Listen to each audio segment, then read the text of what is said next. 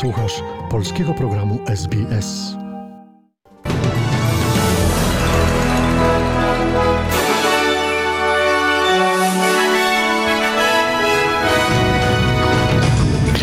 Dzień dobry, oto skrót najważniejszych doniesień w piątek 21 lutego. W Darwin u dwóch osób spośród ewakuowanych wykryto obecność koronawirusa. Atak nożownika w londyńskim meczecie, a w Polsce Centralne Biuro Antykorupcyjne przeszukało 20 miejsc związanych z prezesem NIK-u Marianem Banasiem.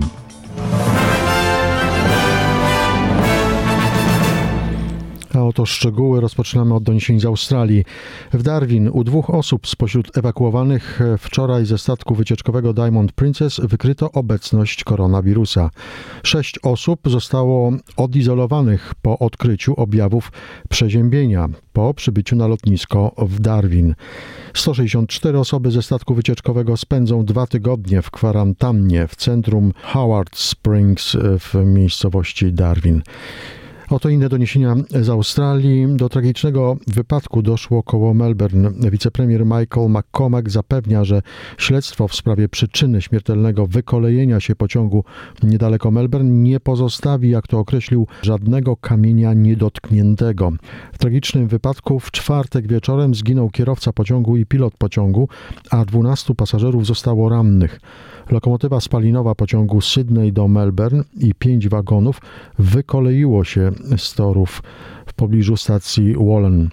McCormack złożył kondolencje rodzinom poszkodowanym oraz dodał, że rząd dołoży wszelkich starań, aby znaleźć przyczyny wypadku i aby tego rodzaju rzeczy nigdy więcej już nie zdarzyły się. No authority would allow would allow uh, passengers to go on a train uh, travelling on an unsafe track. This has been an absolute tragedy, and uh, we will investigate it fully.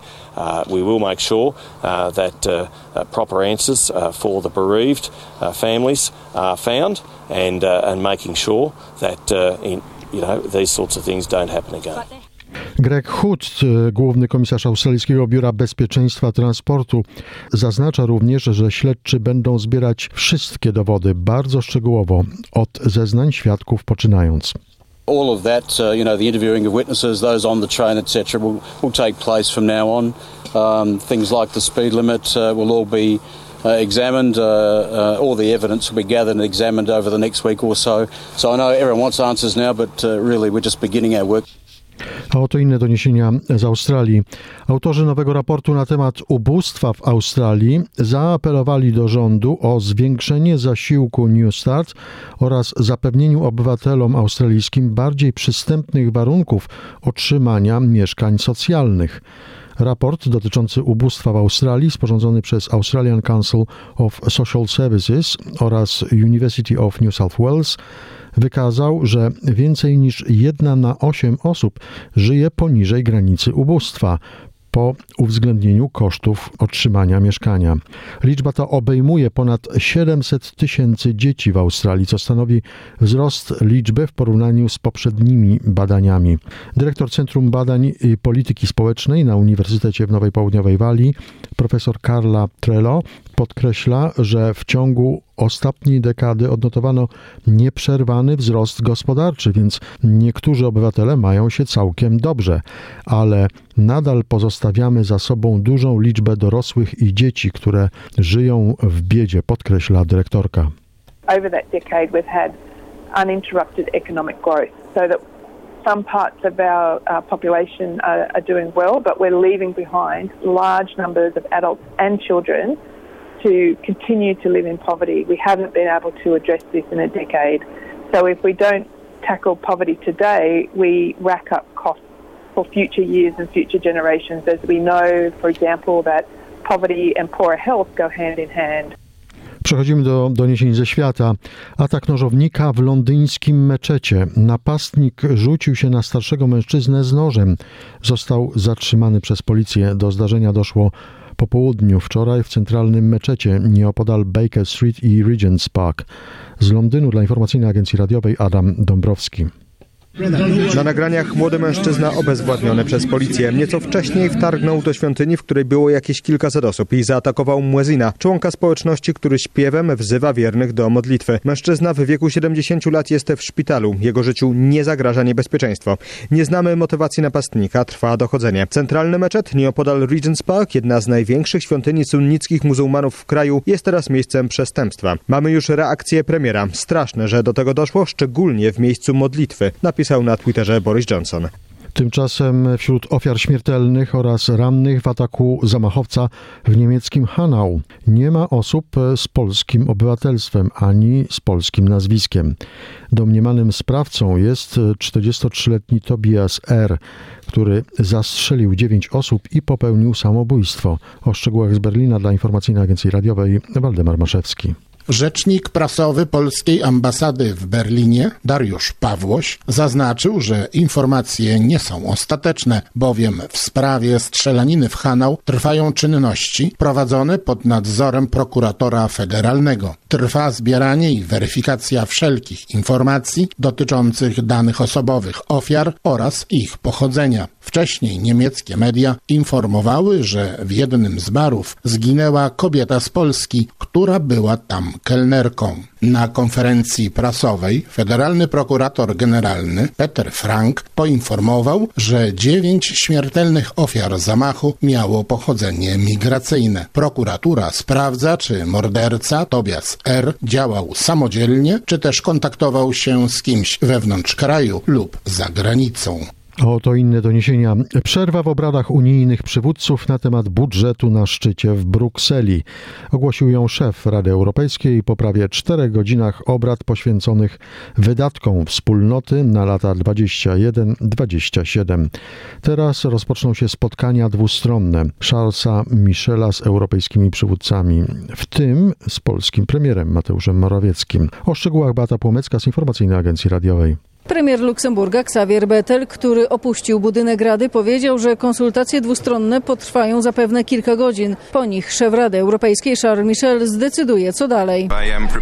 Ja jestem przygotowany na długą noc, powiedział prezydent Litwy Gitanas Nauseda. Wielu przywódców jest przygotowanych na to, by w Brukseli zostać nawet do soboty, jeśli zajdzie taka potrzeba. A na razie, kiedy prowadzone są dwustronne konsultacje, przywódcy spotykają się też w grupach o podobnych interesach. Niektórzy robią sobie po prostu przerwę. Wziąłem nową biografię Fryderyka Chopina. Mówił przed szczytem premier Holandii Mark Rutte. Jest on we frakcji oszczędnościowej, domagającej się znacznych cięć w budżecie wraz z Danią, Austrią i Szwecją. Po drugiej stronie są kraje jak Polska, które chcą ochronić przed cięciami politykę spójności i rolną.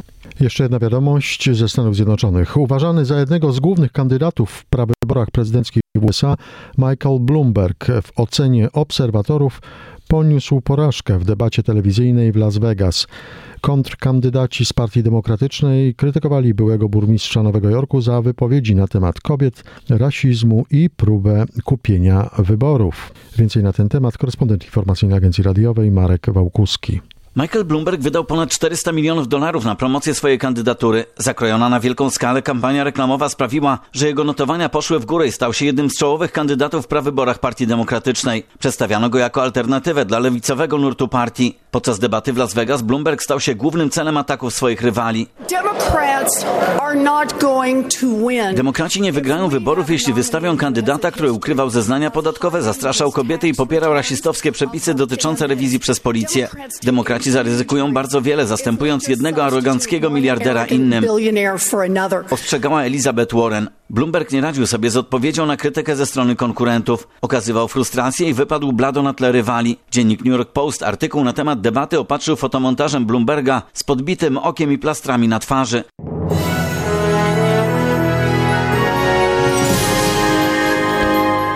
Przechodzimy teraz do doniesień z Polski. Centralne Biuro Antykorupcyjne przeszukało wczoraj kolejne mieszkania w sprawie podejrzeń dotyczących prezesa NIK Mariana Banasia. Wczoraj agenci CBA w ramach śledztwa dotyczącego m.in. podejrzeń nieprawidłowości w oświadczeniach majątkowych i deklaracjach podatkowych prezesa NIK przeszukali 20 miejsc. Tymczasem szef Centrum Informacyjnego Sejmu Andrzej Grzegżółka poinformował, że marszałek Sejmu Elżbieta Witek zaprosiła prezesa Najwyższej Izby Kontroli Mariana Banasia wraz z kierownictwem Izby na spotkanie. Zostało ono zaplanowane na dziś, odbędzie się w Sejmie. Wcześniej w rozmowie z dziennikarzami szef NIK-u podkreślił, że wczorajsze działania białostockiej prokuratury i CBA w siedzibie NIK-u były bezprawne.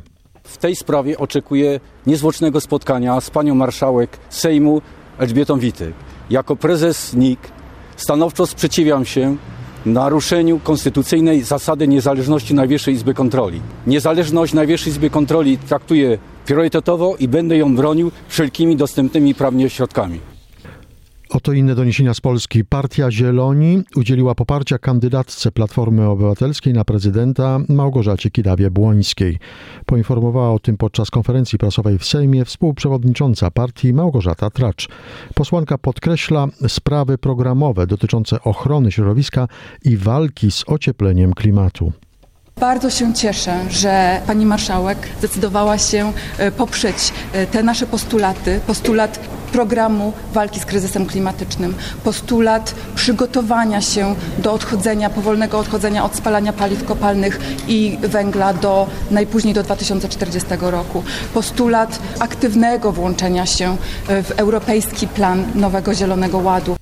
Tymczasem prezydent Andrzej Duda ruszył w trasę objazdową po Polsce w ramach kampanii wyborczej. Duda Bus jako pierwsze miasto odwiedzi Łowicz w województwie łódzkim. Drugi na wyborczej mapie będzie Turek w Wielkopolsce.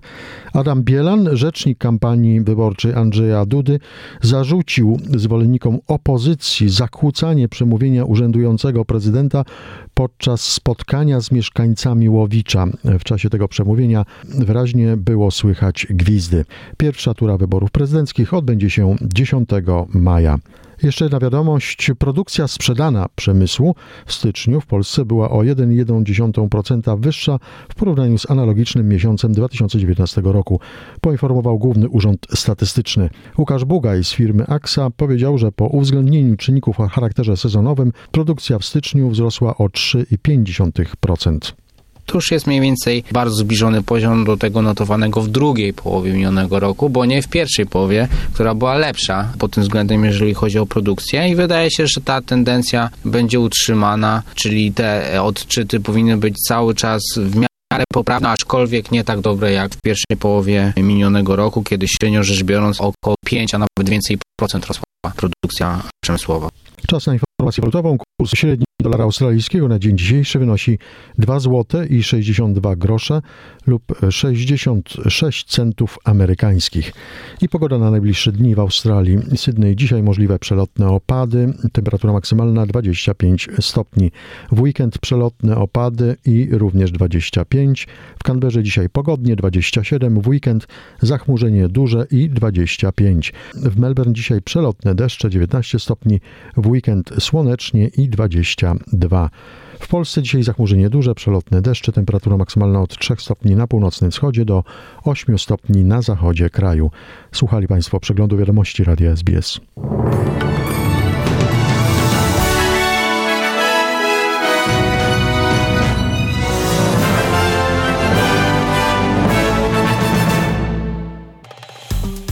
Nas na Facebooku, udostępnij innym, skomentuj, bądź z nami na polskim Facebooku SBS.